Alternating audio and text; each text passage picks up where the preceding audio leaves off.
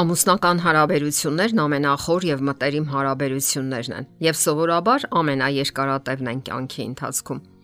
Այն անցնում է բազմաթիվ դժվարությունների եւ ստորջրյա խութերի միջով, սակայն երբ կողմերը դրականորեն են տրամադրված եւ հավատով առաջ են նայում, լուծվում են բոլոր հիմնախնդիրները։ Իսկ ինչպիսին է ձեր կողակցի բնավորությունը։ Արդյոք լավ եք ճանաչում միմյանց։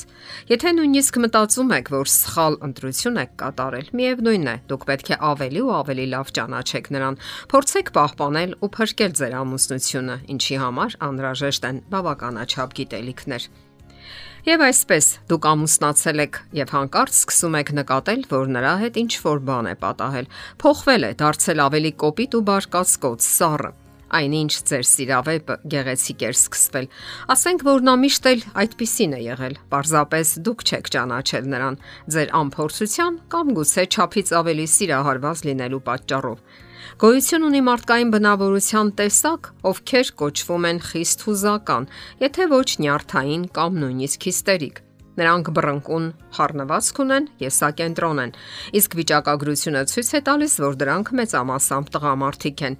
Ամբողջ հարցն այն է, որ այդպիսիք կարող են լինել չափազանց գրավիչ, շփվող, հաճելի զրուցակից, սակայն միայն առաջին հայացքից։ Նրանց հետ մակերեսային շփման դեպքում հնարավոր է խապվել, սակայն երկարատև հարաբերությունների դեպքում նրանք դառնում են վտանգավոր։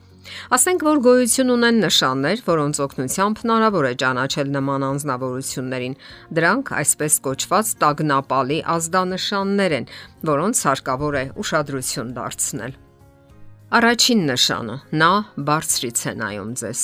Նյարդային հիստերիկ անznավորությունները ուղակի կամ անուղակի ընդգծում են իրենց գերազանցությունը կողակցի հանդեպ, ով որպես թե չի հասնում իր մակարդակին եւ սիրում են կրկնել. դու անկիրթ ես, դու հուզական ես, դու հիմար ես, բարթույթավորված ես, գեր ես կամ նիհար ես։ Այդպիսի անznավորության կողքին մարդն իրեն բնականաբար չնչին ու աննշան կզգա, կոչումով ցածր եւ անարժան, այնպիսի մեկը, որի միակ առաջադրանքը այդ նշանավոր անznավորությունը կամ կուրքին հաճո լինելն է եւ նրա կմահաճույքները կատարելն ու նրան խաղաղեցնելը։ Հաջորդ տագնապալի ազդանշանը, որին հարկավոր է ուշադրություն դարձնել, Ես ատում եմ քեզ, ես սիրում եմ քեզ։ Ահա այսպիսի փոփոխական բնավորություն ունի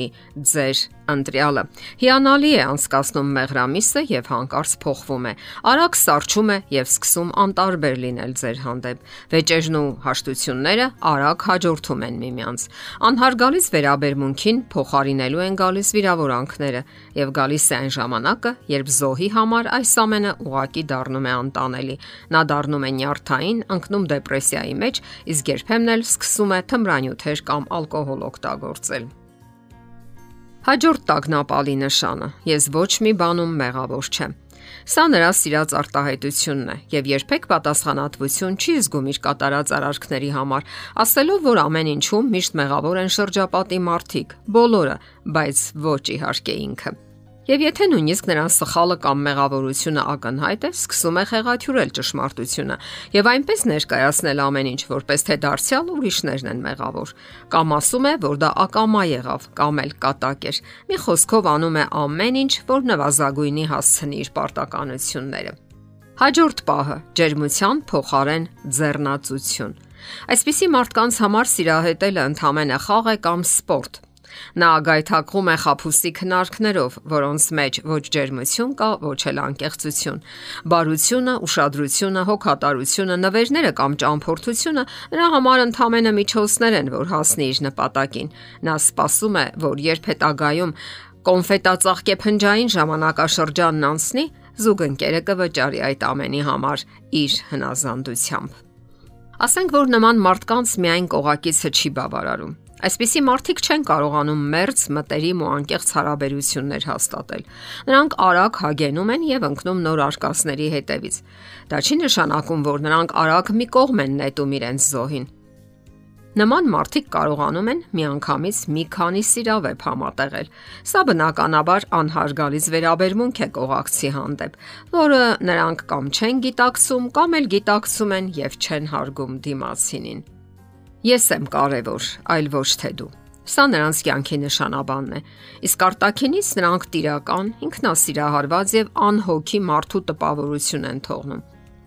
Սակայն որքան սուր եւ ագրեսիվ են արձագանքում, երբ իրենց քննադատում են, կասկածում են կամ անտարբերության մատնում։